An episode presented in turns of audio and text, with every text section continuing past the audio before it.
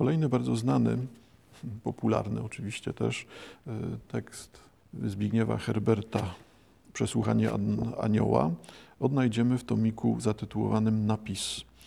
Tomik z 1969 roku. W tym tomiku tekst Przesłuchanie Anioła. Nie będzie on już dla nas w tym momencie zaskakujący, ponieważ te operacje, te sposoby opisywania, sposoby ukazywania e, postaci anielskich, które widzieliśmy chociażby w tekście Uwrót Doliny, ale też w innych poprzednich tekstach, e, będą miały miejsce tutaj. No tutaj będzie to jeszcze bardziej dobitne, czy jeszcze brutalniej będzie pokazywane hmm, to, w jaki sposób anioł, ten anioł współczesny, anioł w poezji Zbigniewa Herberta, hmm, jest otwarciem, początkiem e, rozważań innych, czyli to spięcie strefy świętej, mhm, wiecznej, anielskiej, boskiej e, z materialną, przyziemną, złą, z historią, będzie tutaj bardzo mocno widoczne. To zderzanie tych dwóch zakresów znaczeniowych to przenikanie się sfer no, będzie tutaj interesujące. No ale to zostawmy mm, za chwilkę. Na początek y, sam tekst. Wiersz z tomiku Napis. Wiersz nosi tytuł Przesłuchanie anioła. Kiedy staje przed nimi w cieniu podejrzenia, jest jeszcze cały z materii światła. Eony jego włosów spięte są w pukiel niewinności po pierwszym pytaniu policzki nabiegają krwią. Krew rozprowadzają narzędzia i interrogacja. Żelazem, trzciną, wolnym ogniem określa się granice jego ciała.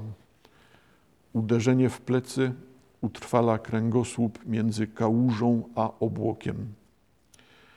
Po kilku nocach dzieło jest skończone. Skórzane gardło anioła pełne jest lepkiej ugody. Jakże piękna jest chwila, gdy pada na kolana, wcielony w winę, nasycony treścią. Język waha się między wybitymi zębami a wyznaniem. Wieszają go głową w dół. Z włosów anioła ściekają krople wosku. Tworzą na podłodze prostą przepowiednię. Tak, nie chciałbym być obrazoburczy. No, oczywiście, tak jak już podkreślałem, tekst jest tym tekstem należący do tej grupy spopularyzowanych wierszy Herberta. On przewija się znowu w antologiach, w podręcznikach, jest obecny, ma, ma swoje postacie e, też, postać, e, też w piosence no w końcu Gintrowski teściarz, przepraszam, odwrotnie, Herbert jest tekściarzem Gintrowskiego. Taka anegdotka tu się już pojawiała w historii. Wobec tego no, no wszystko niby jest jasne, tak, ale wszystko jest jasne, tekst jest znany w tym sensie. No ale jednak zauważcie Państwo, że Trzymajmy się tego materiału, który przewinął się przez nasze spotkania. E, no spójrzcie Państwo, czy ten sposób, ten pomysł na to, w jaki sposób zderzyć, czy jak z sobą zderzyć w obrębie jednego tekstu to, co przynależy do religijności, sakralności, do tej wyobraźni wokół biblijnej, e, w jaki sposób zderzyć to z realiami e, przesłuchiwania tego zwykłego, no powiedzmy umownie zwykłego przesłuchiwania, czyli trafia ktoś na y, policję, do więzienia, służby bezpieczeństwa, dopiszmy sobie dowolny kontekst, bo wcale nie musimy patrzeć na to jako na kontekst taki, że to na pewno jest UB w latach 50. w Polsce. To hmm, za proste jest takie skojarzenie, chociaż na pewno też jest zasadne, tak? no ale jednak gdyby literalnie się trzymać takich kontekstów historycznych i, i prześladowań mm, hmm, opozycji, czy prześladowań tych, którym nie podoba się komunizm w Polsce. Ja też oczywiście mam zastrzeżenia o tego, żeby używać słowa komunizm. No, tym niemniej potraktujmy to raczej jako pewien wytrych tym razem, tak? skojarzenie właśnie uproszczonych obrazów że skoro komunizm to UB, jak UB to pewnie tortury, no to przesłuchanie na UB wygląda tak jak tutaj. A tu pojawia się połączenie dwóch rzeczy, czyli z jednej strony mamy całą naszą wyobraźnię, całe nasze oczekiwania czytelnicze wokół postaci anioła, ale ten anioł jest przesłuchiwany i to jest w tytule, już wobec tego już to przesłuchiwanie wywołuje niepokój, no bo przesłuchiwanie anioła nie może mieć miejsca, nie ma w tym logiki żadnej. Jeżeli e, anioł ma być, tak jak wspominałem, tą emanacją, objawieniem, wolą, mocą Boga, e, no to trudno, żeby Bóg sam siebie przesłuchiwał, bo to by była ta sytuacja. Znaczy, czego ma nie wiedzieć Bóg, jeżeli nie ma różnicy pomiędzy Bogiem a aniołem. No chociaż z drugiej strony tak, no aniołowie traktowani są jako samodzielne osoby, no i tutaj angelologia będzie nam komplikowała sprawę e, o wiele bardziej. E, tym niemniej tamtej zależności nie ma. Podejrzewam, że Bóg wie, e, że angelologia jednak dojdzie do tego, że Bóg musi wiedzieć wszystko, co odbywa się w wewnątrz anioła, jeżeli tak w ogóle można powiedzieć, e, czy tak samo musi wiedzieć o wszystkim, co rozgrywa się e, wewnątrz e, diabła, no bo, no bo jeżeli nie, no to zaczynamy w tym momencie być w dziwnym miejscu, czyli kwestionujemy wszechwiedzę w tym systemie religijnym nie da się czegoś takiego zrobić. Wobec tego Bóg nie musi przesłuchiwać. To jest chyba prosty wniosek. No, a tu jednak jest to u Herberta pokazywane jako przesłuchanie. E, czy to jest prosty zabieg służący samej sakralizacji, tak? tego, że skoro e, niewinni ludzie cierpią w czasie tortur, chociażby na tym Urzędzie Bezpieczeństwa, e, no to w tym Urzędzie Bezpieczeństwa, no to może zestawienie proste tego niewinnie cierpiącego człowieka z e, czystym, szlachetnym, doskonałym, świetlistym aniołem jest zabiegiem sakralizującym, zabiegiem, który powoduje, że może i tak jest, że czytelnicy postrzegają ten wiersz, mogą postrzegać ten wiersz w kontekstach takich tradycyjnie martyrologicznych. Czyli co to jest? No, no, kolejny zapis tego, że Polacy niewinnie cierpią, są prześladowani, giną za prawdę. Nie, zostawmy to jako właśnie ogólniki. Czyli wiersz staje się nagle martyrologicznym komentarzem do prześladowań Polaków e, w Polsce. Może tylko po II wojnie światowej, a może do każdych prześladowań. Każde prześladowanie niewinnego jest swoistego rodzaju przesłuchiwaniem anioła. Y, gdybyśmy tylko tak na to patrzyli, no to teksty stawałyby się komentarzem do konkretnych kawałków historii, do tych elementów przeszłości, y, których no, musimy być świadomi, które odszukujemy, y, które staramy się takimi tekstami wyjaśniać, rozumieć.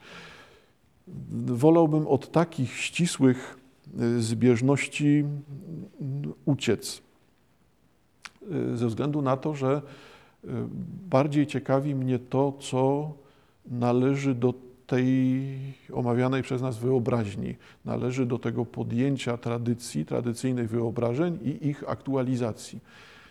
Żeby wyjaśnić mój punkt widzenia, no zaproponuję coś takiego, co e, no może i być potraktowane jako jakieś obrazobórstwo, bo to nie te, nie te części literatury polskiej.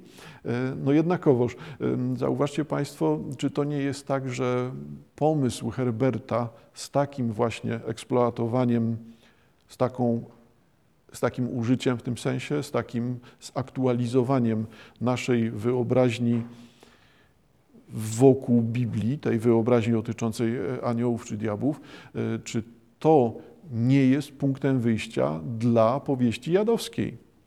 No bo to jest to samo, szczególnie, że, zauważ, że jeżeli już Państwo czytaliście mm, powieści jadowskiej, e, no te, które omawialiśmy w kontekście tym anielsko-diabelsko-kobiecym, to Y, zauważcie Państwo, że tam kilkakrotnie powraca dokładnie ta sama sytuacja, która jest tutaj, czyli anioł, anioły trafiają na przesłuchania.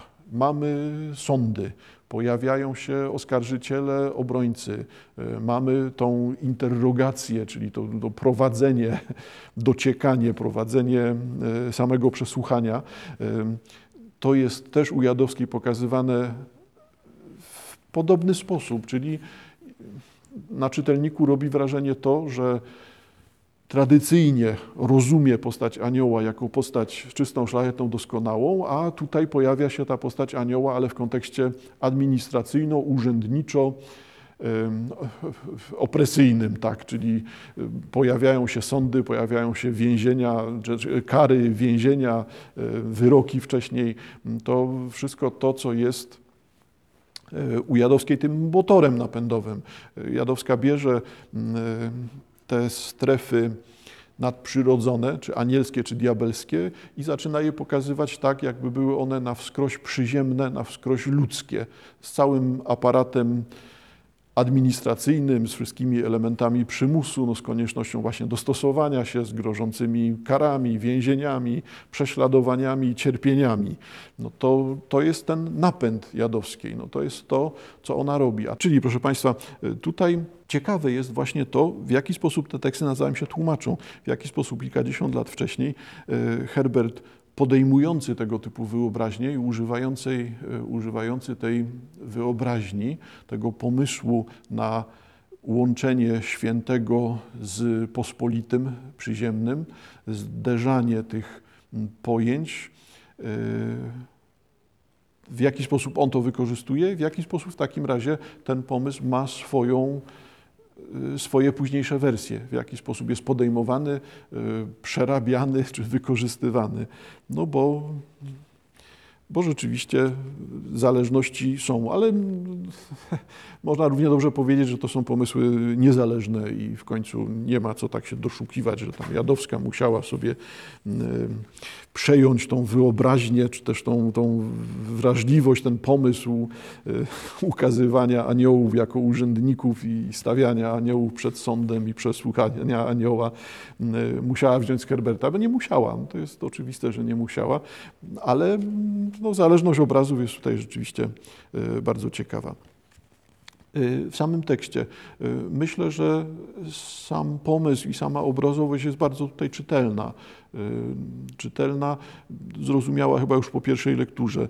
Y, przesłanie anioła wspominałem, że tu jest już coś, co czytelnika uderza. Potem mamy y, cień podejrzenia wobec anioła, anioł, który jest ze światła, czyli mamy tego tą czystą, szlachetną, doskonałą, zgodną z oczekiwaniami postać, ale pojawia się niepokojący element, że on jest z materii światła, czyli mamy tutaj do czynienia z istotą, która już jest pomiędzy. Istotą, która trafia, wypada ze świata doskonałych istot, ale nie mówimy, że to jest e, rodzaj uczłowieczania tego anioła, bo to jeszcze w tym momencie następuje. Nagle zaczynamy mówić o trzeciej kategorii, czyli jest coś pomiędzy. Pomiędzy światem doczesnym a światem wiecznym jest coś jeszcze.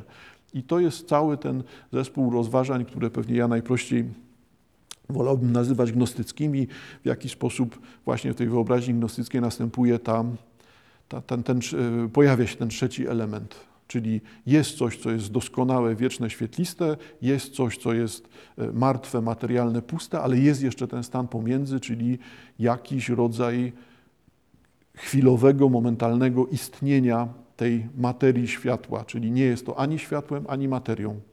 Nie należy do strefy y, wiecznej, nieskończonej, doskonałej, ale nie jest też y, częścią materialnego świata. Jest ten trzeci. A czy to jest rozumiane jako uwięzienie, jako element boski tkwiący w materii, ożywiający materię, czy mówimy tutaj o duszy, no to będzie to niestety całym tym potężnym znowu materiałem rozważań, jak to można by było rozumieć. Dla czytelnika w tym tekście no, powinno być uderzające to, że światło staje się tutaj materią światła. Oczywiście, że rozumiem, że ta materia światła równie dobrze może być tutaj metaforą czysto malarską, że chodzi tutaj o fakturę, o układ, w jaki sposób ten, y, to, to światło anielskie, czy też sam anioł mógłby być obrazowo obecny, czy obrazowo y, ukazywany na, na płótnie w przypadku malarstwa. Pewnie tak. Wszystko naraz tutaj pojawia się. E, podkreślenie wobec tego niewinności w kolejnej strofie e, i pojawiające się etapy interrogacji, czyli przesłuchania anioła, widzimy, że pytaniom towarzyszy przemoc. Po pierwszym pytaniu policzki nabiegają krwią. To nie chodzi zapewne o emocje same, tylko już będzie pojawiała się przemoc, bo potem krew rozprowadzają narzędzia interrogacja, czyli narzędzia tortur pojawiają się w czasie przesłuchania i potem już doprecyzowane są żelazem, trzciną, ogniem. Narzucona jest aniołowi cielesność, albo anioł wpisywany jest w cielesność. Określa się granice jego ciała, czyli anioł staje się istotą coraz bardziej materialną. Już nie mówimy o, tej, o tym wahaniu pomiędzy światem a materią, tylko mówimy właśnie o ciążeniu, o ściąganiu tego anioła w przymusowym wpisywaniu go, włączaniu w ten system wyobrażeń, ale związanych ze światem materii, a nie ze światem nieskończonym, doskonałym, mm, innym, czy boskim po prostu. Yy, następne zdania, przesłuchanie, uderzenie w plecy. Utrwala kręgosłup, kręgosłup między kałużą a obłokiem. I znowu widać to samo pokazywanie napięć, że tu chodzi właśnie o to mhm, przeciąganie, ściąganie, gwałt na anielskości polegający na wmuszeniu, na zmuszeniu tego anioła do obecności w świecie materii. E, I widzimy kapitulację. Anioł, który poddaje się, ma już skórzane gardło, gardło pełne lepkiej ugody. Ten ciąg określeń służy tej materializacji. Już nie wahamy się, czy materia, czy światło, tylko wyraźnie widzimy samą materię w postaci tego wyschniętego gardła, w postaci konieczności mówienia tego, na co oczekują przesłuchujący. I dlatego piękna jest chwila, gdy pada na kolana wcielony w winę nasycony treścią, gdy anioł staje się materią, tutaj pokazywane to jest jako piękne w sensie spełnienia oczekiwań znowu tych prowadzących interrogację. Język waha się między wybitymi zębami a wyzwaniem. Konsekwentnie już nie mamy tych wątpliwości, to jest umęczony torturami człowiek, a nie e, anioł. Stąd wieszają go głową w dół, i jednak muszę coś tu rzucić, bo tutaj pojawia się znowu ten kolejny zakres znaczeń.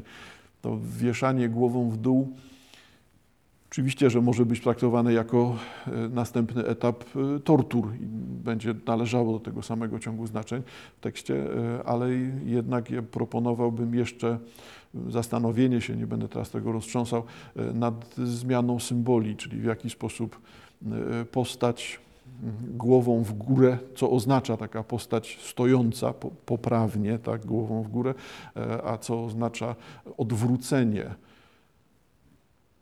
postaci. E, o czym mówię? No mówię jednak o całej tej symbolice, która, mm, o tych wizualizacjach znowu, które pojawiają się w czasie komentarzy, czy w czasie naszego rozumienia, interpretowania e, kolejnego, kolejnej dużej części naszej przeszłości, czyli tego, co widoczne jest w tarocie. E, tarot bazuje na tych odwróceniach, czy w tarocie wykorzystuje się te odwracanie figur, zmianę znaczeń uzyskiwaną przez odwracanie figur. Więc tutaj też będziemy mieli, tak jak w tarocie, postać oczywiście jest odrębna w tarocie postać wisielca, ale też mówię o wszystkich pozostałych kartach, które zmieniają znaczenie, gdy widzimy je w jedną czy w drugą stronę. E, więc to wskazanie jest właśnie takie, no ale dla nas będzie to wskazanie jednoznaczne. No to jest świat materii, świat śmierci, świat ludzki, nie mający nic wspólnego z boskim. E, ciekawą rzeczą w tym tekście przesłuchania anioła jest właśnie to, że że ten świat boski nie ocalał, ulega przemocy. Ostateczny finał jest finałem materialnym. Nie ma nic więcej. Jest tylko to, co jest upadkiem. E, upadkiem w materię. no, znowu raczej gnostyckie określenie teraz, e, no ale oddające jakby istotę e, samego tekstu. Wieszają go głową w dół, z włosów anioła ściekają krople wosku, tworzą na podłodze prostą przepowiednią. E, Znaczy może dla mnie to słowo przepowiednia jakby w, przywołuje e, kontekst kart Tarota, ale, ale no, możemy równie dobrze tak odłożyć te karty Tarota. W końcu do tego służą karty, żeby je odkładać y, i sięgnąć tylko co do tego, co jest w tekście, czyli mamy prostą przepowiednię, rozumy ją jako wyjaśnienie, zapowiedź, informację dotyczącą ciągu dalszego, tego, co nastąpi, a wcześniej widzimy, że z włosów anioła ściekają krople wosku. Wobec tego to już nie jest istota świetlista, tylko konsekwentnie istota wyłącznie materialna. I znowu, czy to polega na tym, że tekst staje się tekstem materialistycznym? Czy ten tekst y, niszczy sakrum? Nie, raczej bym, proszę Państwa, traktował to jako bardzo mm, brutalne, bardzo wyraziste y, ukazywanie tragicznej sytuacji. Oczywiście, że istnieje ten świat inny, ten świat wokół aniołów, e, ale go nie widać, ale jest zdominowany przez materię, ale potęga tego świata doczesnego sprawia, że wchłania, niszczy, przyswaja, zjada e, wszystko to, co należy do świata innego niż świat profanum, tak, ten świat materii. Czyli raczej sytuacja tragiczna, tak? taka sytuacja, kiedy coś wielkiego musi upaść niezależnie od tego, jak jest wielkie, a w tym upadku z kolei nie ma unicestwienia, tylko raczej są napięcia, energie, siły. Ten tekst nie niszczy strefy sakralnej, nie narusza aniołów, czy nie jest właśnie w tym sensie antyreligijny, tylko jest tekstem pokazującym, na czym polega współczesna przemiana.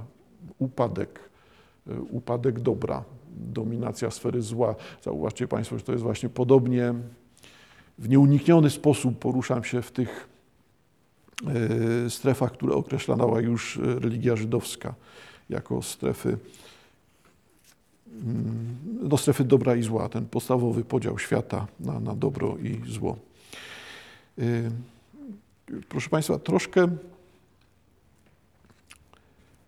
troszkę zaskakujące w tym miejscu może być sięgnięcie przeze mnie do kolejnego tekstu, ale myślę, że, że jak najbardziej będzie nam to pasowało, bo mówimy o tych samych przemianach wyobraźni, o tym samym świecie poezji.